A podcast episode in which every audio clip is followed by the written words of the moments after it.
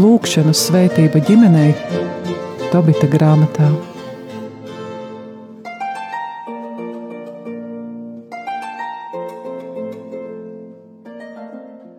Slavēts Jēzus Kristus. Mūžīgi mūžos slavēts. Studijā Stela. Un Anģela. Kā šodien turpināsim būt kopā ar Tobitu un viņa dēlu Tobiju. Iepriekšējā reizē mēs lasījām par divām lūkšanām, ka lūdzas Tobits, kuram tagad uh, ir grūti, uh, visa viņa turība ir iznīkusi, viņš ir neredzīgs, viņš iet kunga priekšā un lūdz, un lai Dievs ņem prom viņa garu. Un redzējām, kā darbojas Dieva apredzība – ka notikumi sāk jau it kā savienoties un risināties, kā rodas aizmetņi tai vēlāk, ka lasīsim tālāk, redzēsim nākamajai ģimenei, cik Dieva apredzība ir mums neizprotam un fantastiski, ka tajā pašā laikā visam citā vietā diezgan tālu lūdzas kāda sieviete – kura tā arī nav kļūsi pa sievu, viņa septiņi līgavaini ir miruši, jo ļaunais gars tos ir nonāvējis. Un šodien mēs lasīsim tālāk, kas tad notiek un kā Dievs sāk risināt to problēmu. Jo jau trešajā nodaļā mēs redzējām un lasījām, ka Dievs abu lūkšanas, Tobita un nelaimīgās meitenes Sāras lūkšana ir uzklausījis, un ka viņš sūta eņģeli, kuram ir jārīkojas Dieva uzdevumā, lai darītu Tobitu veselu un lai savestu kopā Tobiju, Tobita dēlu ar Sāru, lai taptu jauna ģimene – Un man jau bija tāda ziņkārība ieskatīties grāmatā mazliet tālāk, kad atkal redzēsim, ka Dievs ja dod, ja kaut kas zaudēts, Dievs, kā jau Anģela teica, dos kaut ko labāku. Tie septiņi vīri ir miruši, aizgājuši, ļaunā gara nonāvēti, bet, kad lasīsim tālāk, redzēsim, kā Tobijs ar sāru kļūst par vienu miesu, kļūst par ģimeni, par vīru un sievu, un ka Dievs viņiem dāvās septiņus dēlus. Bet šodien mēs jau tik tālu netiekam, lasām ceturto nodaļu, jo Dievs ir uzklausījis man sāras un Tobita lūkšanu, un šis tas jau sāk notikt. Un atkal būs tādas kā zināmas paralēles – pat ar Esteres grāmatu, kad cilvēks īstajā laikā kaut ko atceras.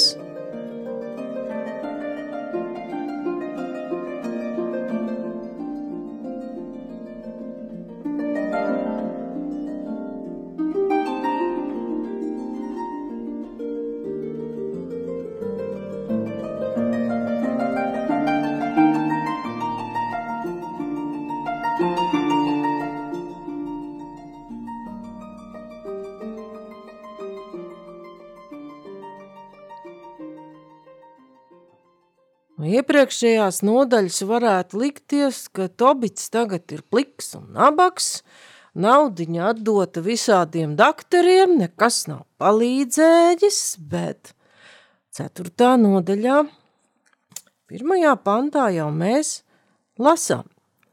Tajā pašā dienā, atkal ir tā pati diena, viss notiek tai vienā un tai pašā dienā lūdzas Tobits, lūdzas Sāra, un Tobits atceras. Un ko tad viņš atceras? Tobits atcerējās sudrabu, ko bija noglabājis pie Gabaela mēdīšu ragos un pie sevis sacīja. Redzi, es lūdzu sev nāvi. Tad nu pasaukšu savu dēlu Tobiju un atklāšu viņam par šo sudrabu, pirms man jāmirst. Un viņš pasauca savu dēlu Tobiju, un tas atnāca pie viņa, un viņš tam sacīja. Tad tāds īsts ievads, ka Tobijs, mēs vēl ne, neredzam to Tobita lēmumu sūtīt Tobiju garā ceļā, bet Tobits atceras, ka viņam vēl ir diezgan daudz līdzekļu. Atceras sudrabu pie ciltsbrāļa ragos mēdījā. Ja mēs lasītu tālāk pat piekto nodaļu, tad redzētu, ka ir pagājuši 20 gadi, ka tas sudrabs ir atstāts pie tā uh, ciltsbrāļa pirms 20 gadiem. Un tie ragi, tā vieta, ir apmēram divu dienu gājumā no Ekbatanas. Un Ekbatanā savukārt dzīvo Sāra, kura arī ir lūgusi nāvi, Ragulēna meita, kur ir nelaimīga, kad nevar iziet pie vīra. Nu, divas dienas, kas ir gājušas svētceļojumā, nu, kāds 60 kilometri, ja vīrietis naskiet, nu, kaut kas tā varētu būt. Un Tobits, kā redzam, ir arī pārliecināts, ka Dievs izpildīs šo viņa vēlmi, redzi, es lūdzu savu nāvi. Un tas, ko viņš tālāk saka, ir tāda pamācība pirms ceļa. Un atbilst pat gudrības literatūras žanram, Tobijs dod dēlam mācību, pamācību, kā viņam labi dzīvot – Un redzēsim, ka šajā pamācībā pat centrālā vietā ir Dieva dotais likums palikt uzticīgam Dieva likumam. Tas ir tas, ko Tobijs liek pie sirds savam dēlam, un, ka mēs redzēsim, viņš iziet cauri tādām galvenām lietām. Viņš piesauca savu dēlu Tobiju, Jā. un tas atnāca pie viņa, un viņš tam sacīja – apglabā mani labi un jā. godā savu māti, uh, uh, apglabā mani labi un godā savu māti un neatmet, nepamet viņu nekad savā dzīvē un dari viņai to vislabāko un neabēdini viņu nekad nevienā lietā. Atceries viņu dēls, jo daudz briesmu viņa pied, ir piedzīvojusi tevis dēļ, kad bija bija viņas miesās, un kad viņa nomirs, apglabāja viņu līdzās man vienā kapā. Un šeit mēs arī varētu vēl arī lasīt tādu lasījumu no Jāņa evaņģēlija, kur uh, mēs ļoti labi atcera, uh, atceramies, ka, kad uh, pie Jēzus krusta stāvēja viņa māte un viņa mātes māsa Marija Klēpa sieva un Marija Magdalēna ieraudzīja savu māti un mācekli, ko viņš mīlēja. Tā līdzās stāvam Jēzus savai mātei sacīja: Sieviete, redzi, tavs dēls. Pēc tam viņš sacīja māceklim: Redzi, tava māte. Kopš tā brīža māceklis ņēma viņu pie sevis.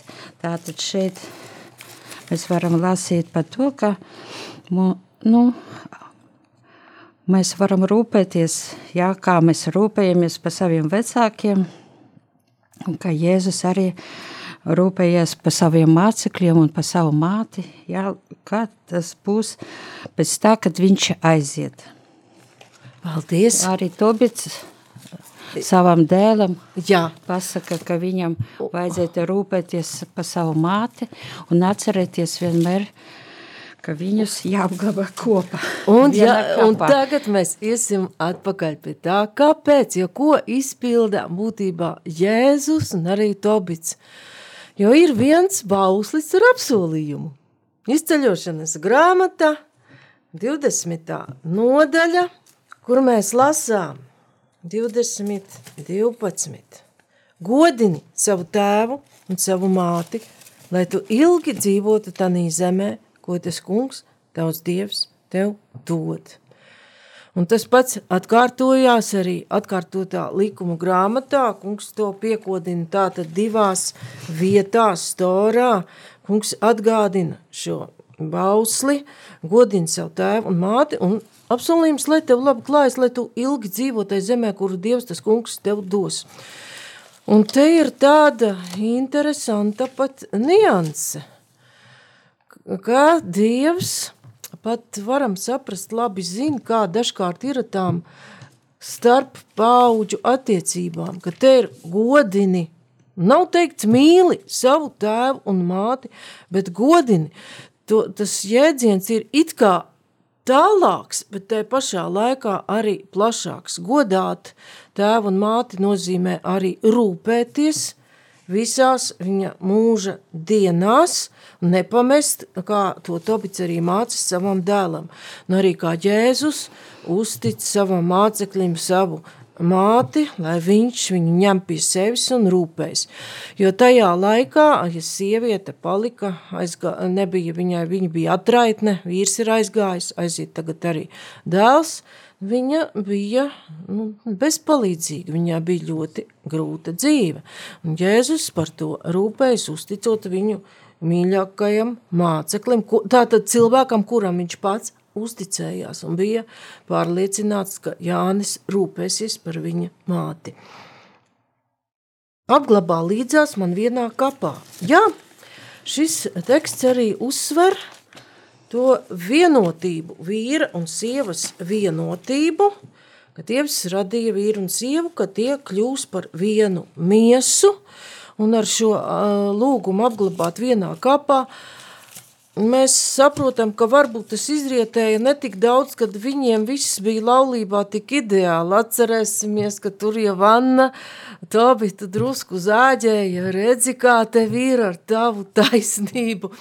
Bet, ka abi viņi to saprot, ka viņi ir viena miesa laulībā, un kā arī no šīm miesas ir nācis pasaulē dēls Tobits, tad ar šo Un tas bija klintis kaps, ja? tā, jā, tā, tā jā. nav tā, ka tagad mēs Nav, varam ka- iedomāties, ja, ka mums... Kāpraka un lielu bedri izraka, un tad tur tas bija klintis vai alas, atcerēsimies, ka arī Ābrahams uh, sāru apraka Makpels alā.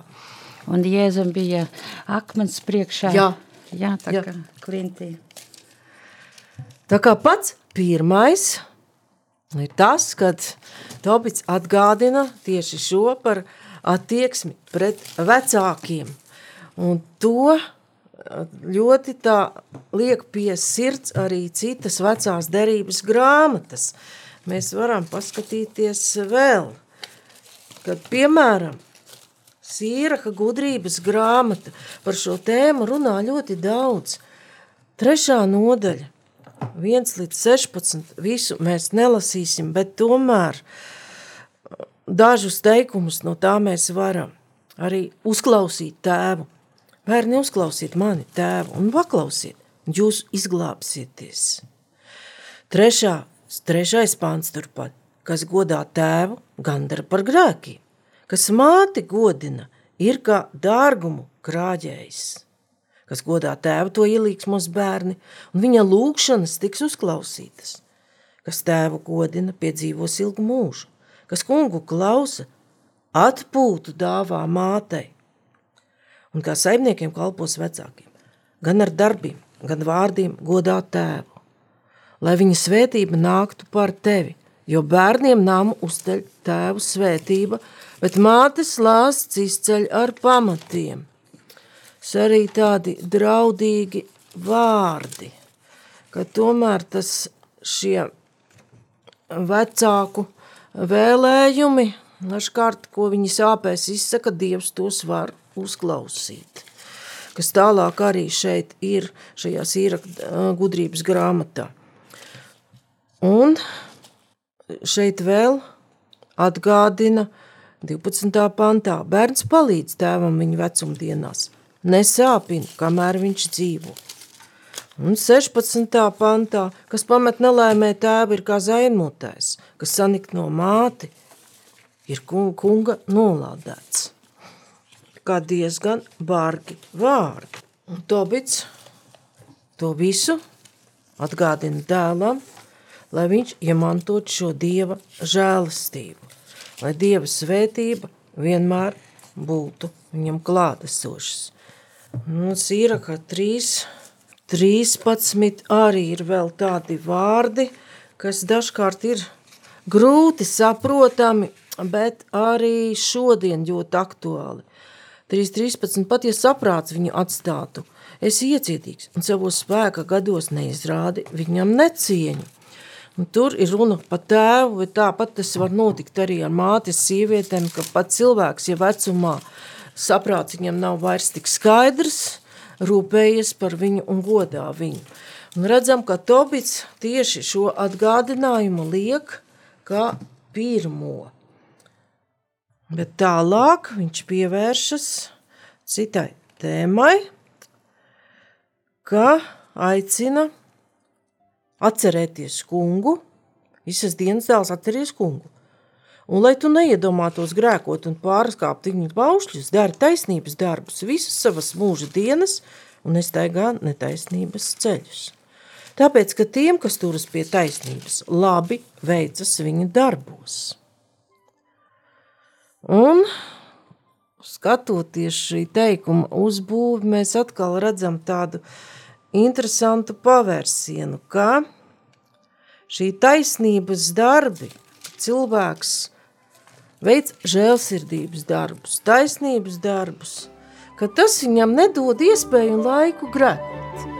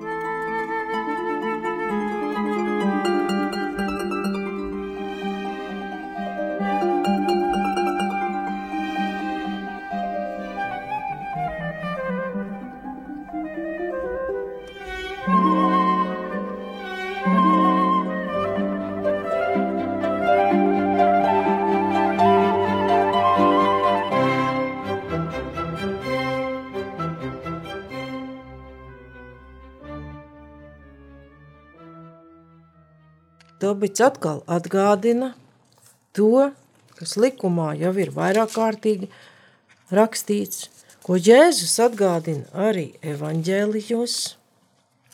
Visiem, kas turas pie taisnības, dod žēlsirdības dāvans no savas mantas. Un lai tava acis nav skaudīga, darīt žēlsirdību, nenovērs savu skatienu ne no viena nabaga, lai no tevis nenovēršas Dieva vaiga. Dieva vaigs – Pēc savas pārticības, pēc saviem ienākumiem dari žēlistības darbus. Ja tev nav daudz mantas, nebaidies no mazuma darīt žēlsirdības darbus. Tā tu noguldīsi labu mantu sev pašam grūtām dienām. Tāpēc, ka žēlistības darbi izglābi no nāves un neļauj iet tumsībā. Jo tā ir laba dāvana visiem, kas dara žēlistības darbus augstākā priekšā. Šeit Tobits runā šajos pantos par žēlastības darbiem. Un šis teksts ļoti kaut ko atgādina arī no jaunās derības. Jau Salamana pamācībās mēs varam lasīt par žēlstības darbiem. Ceru, ka man izdosies to atrast.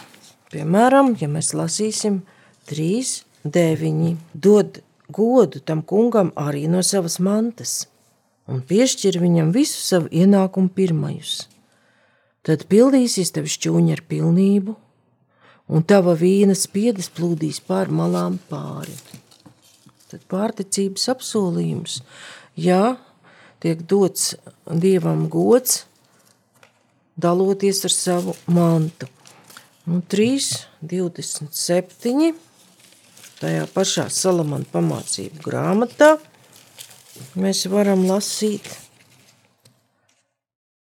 Neliedzies labu darīt tik vienam, kam tas nepieciešams, jo tavai rokai Dievs piešķīris visu, lai tā to darītu. Ir runa par roku, tātad tas darbs nevienmēr būs dāvans pasniegšana, tu vari ar kādu savu darbību palīdzēt tuvākajam. Arī Sirha grāmat, gudrības grāmatā mēs varam lasīt 4. Pan, nodaļā.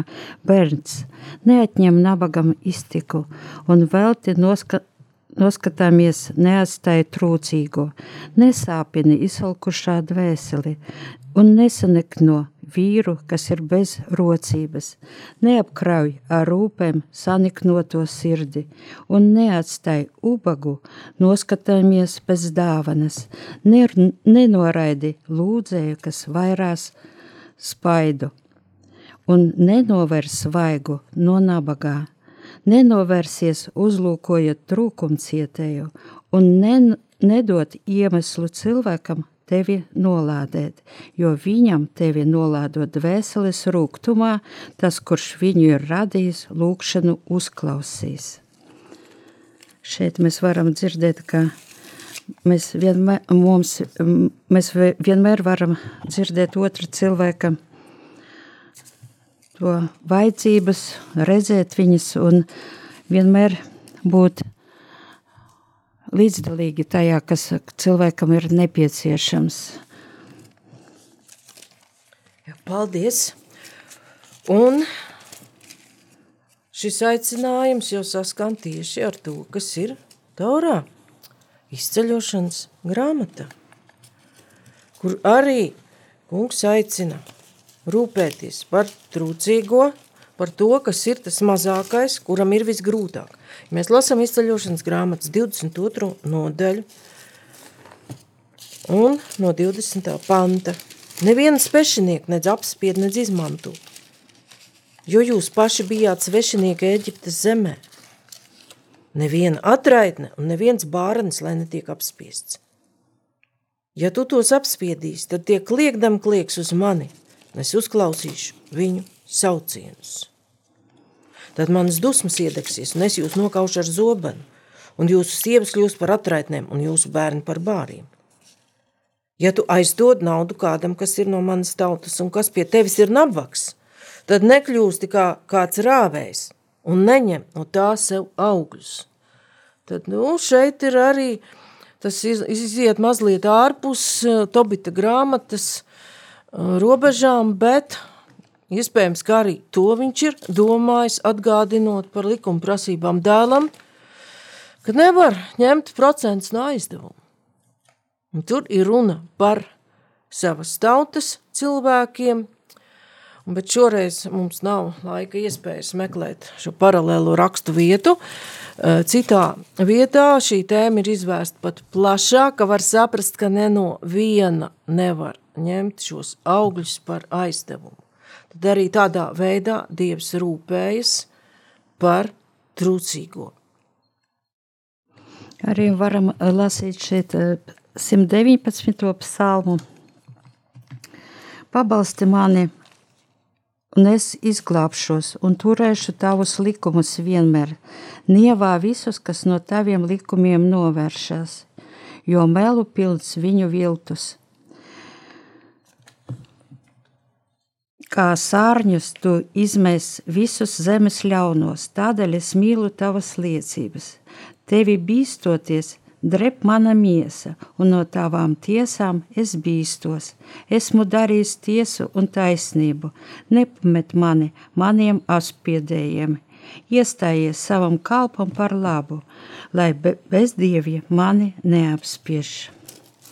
Šeit redzam, ka Tur arī varēsim, to bija tā 4. nodaļā mēs lasīt, ja, ka šeit uh, to, Tobits aicina savu dēlu pildīt visus dieva līkumus.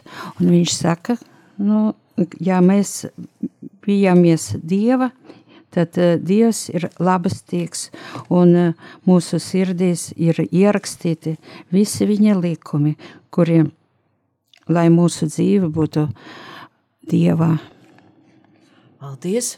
Un šeit viņš arī atgādina Tobits, ka šo ceļu caur žēlastības darbiem, žēlsirdības darbiem pret otru, ka šis ir šis uh, ceļš pie Dieva, un jau iepriekšējā reizē mēs runājam arī pa Mateja evaņģēlī, ka tas pēdējās tiesas kritērijas 25. nodaļā ir tas, vai tu rūpējies par to nabagu, vai aizgāja pie slimā, pie tā, kurš ir cietumā. Un par devību arī apustulis Pāvils otrā vēstulē korintiešiem saka 9, 6 līdz 11, mēs lasītu, ja to es saku, ka sīksti sēja, tas arī sīksti pļaus, kas sēja uz svētību, tas arī pļaus uz svētību. Ik viens, lai dara, kā tas savā sirdī apņēmies, ne smagu sirdi vai piespiests, jo priecīgu devēju Dievs mīl – Dievs var jums bagātīgi dot visādu žēlastību, ka jums ar vienu ir pilnīga iztikšana un vēl pietiekoši paliek pāri labiem darbiem. Tā kā ir rakstīts, viņš ir izbēris un nabagiem devis, viņa taisnība paliek mūžīgi, bet kas dod sēklu sējējam un maizi ēdējam, tas arī dos un vairos jūsu sēju un liks pieaugt jūsu taisnības augļiem.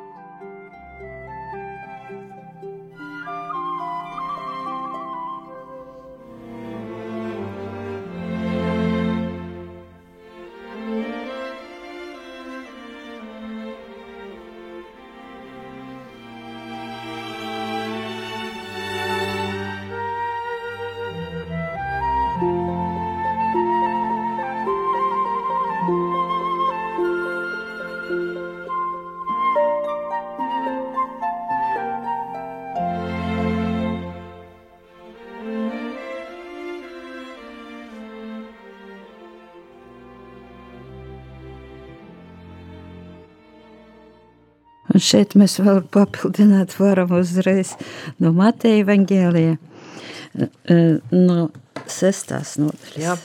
Nekrājiet sev mantas virs zemes, kur kodas un rūsa tās maitā, un kur zāgļi roku un zog, bet krājiet sev mantas debesīs, kur ne kodas, ne rūsa tam nemaitā, un kur zāgļi nerok un nezog. Jo kur ir tava manta, tur būs arī tava sirds. Miesas gaismeklis ir acs. Ja tava acs ir skaidra, tad visa tava miesa būs gaismas pilna. Bet ja tava acs ir ļauna, tad visa tava miesa būs aptumšota.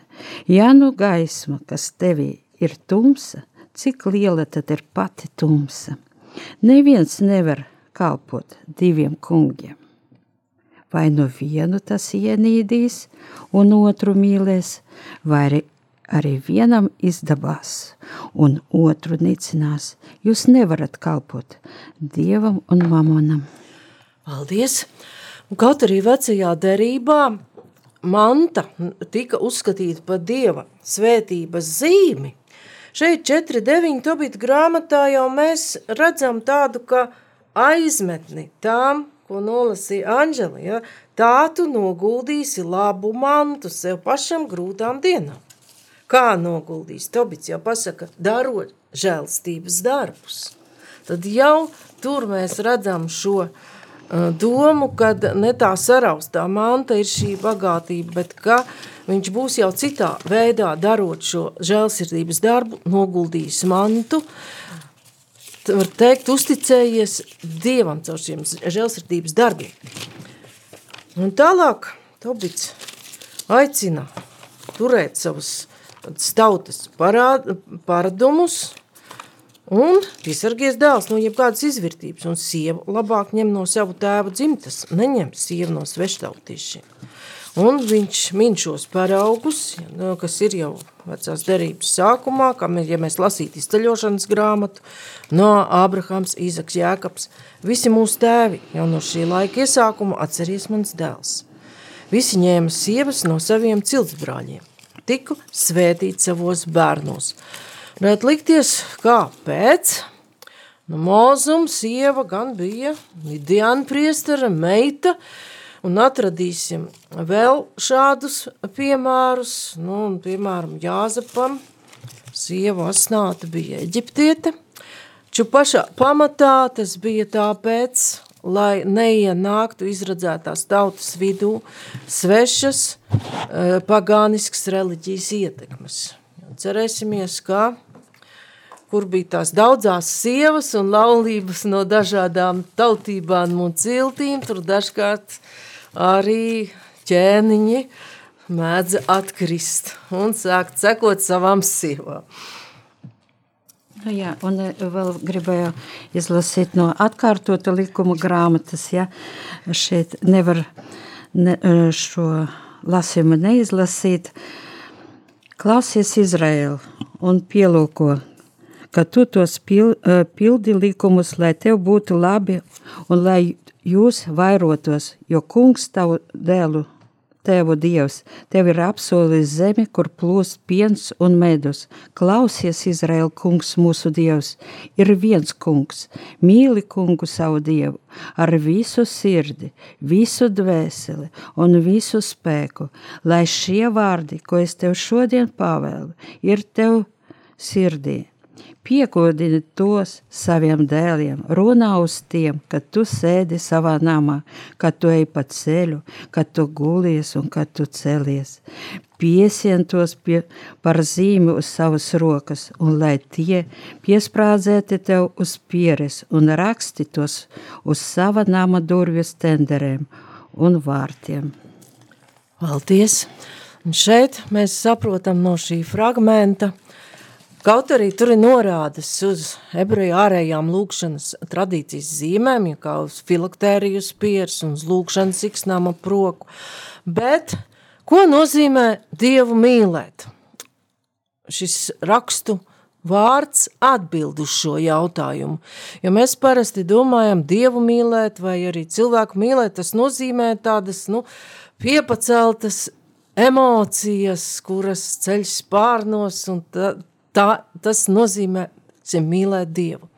Nē, šeit ir pateikts, ka mīlēt Dievu nozīmē pildīt viņa likumu, sekot, dzīvot pēc tā, ko viņš ir atklājis savā vārdā.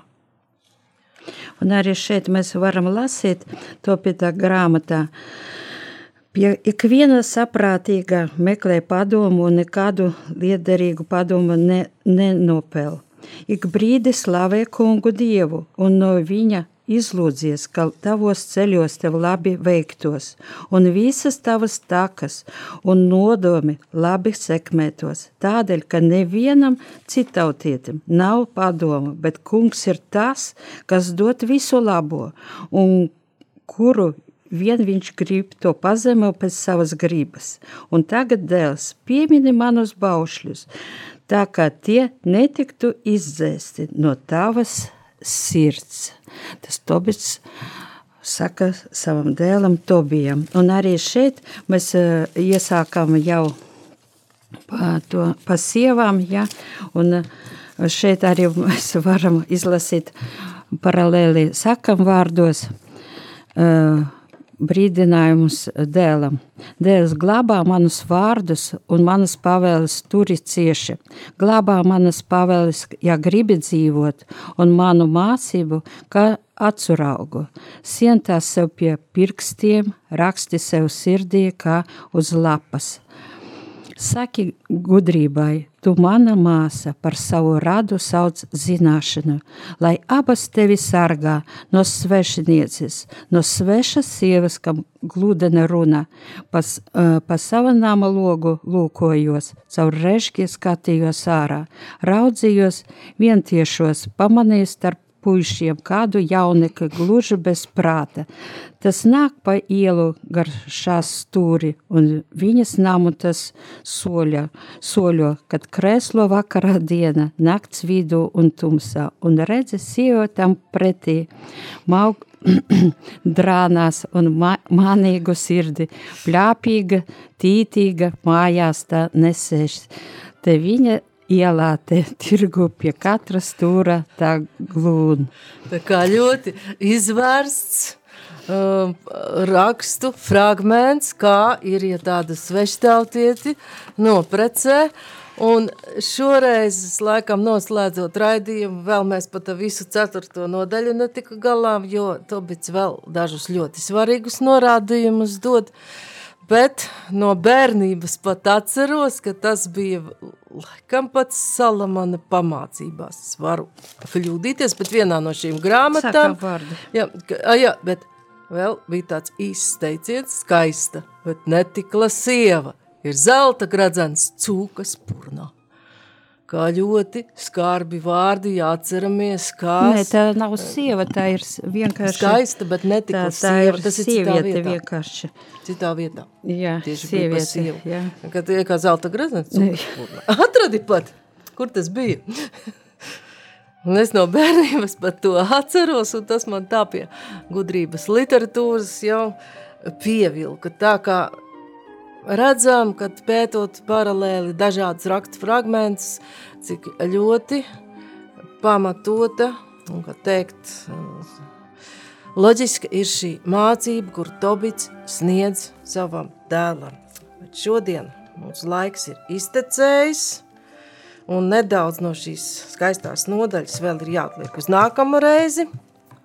Et paldies par uzmanību. Studijā bija Stella un Anģela.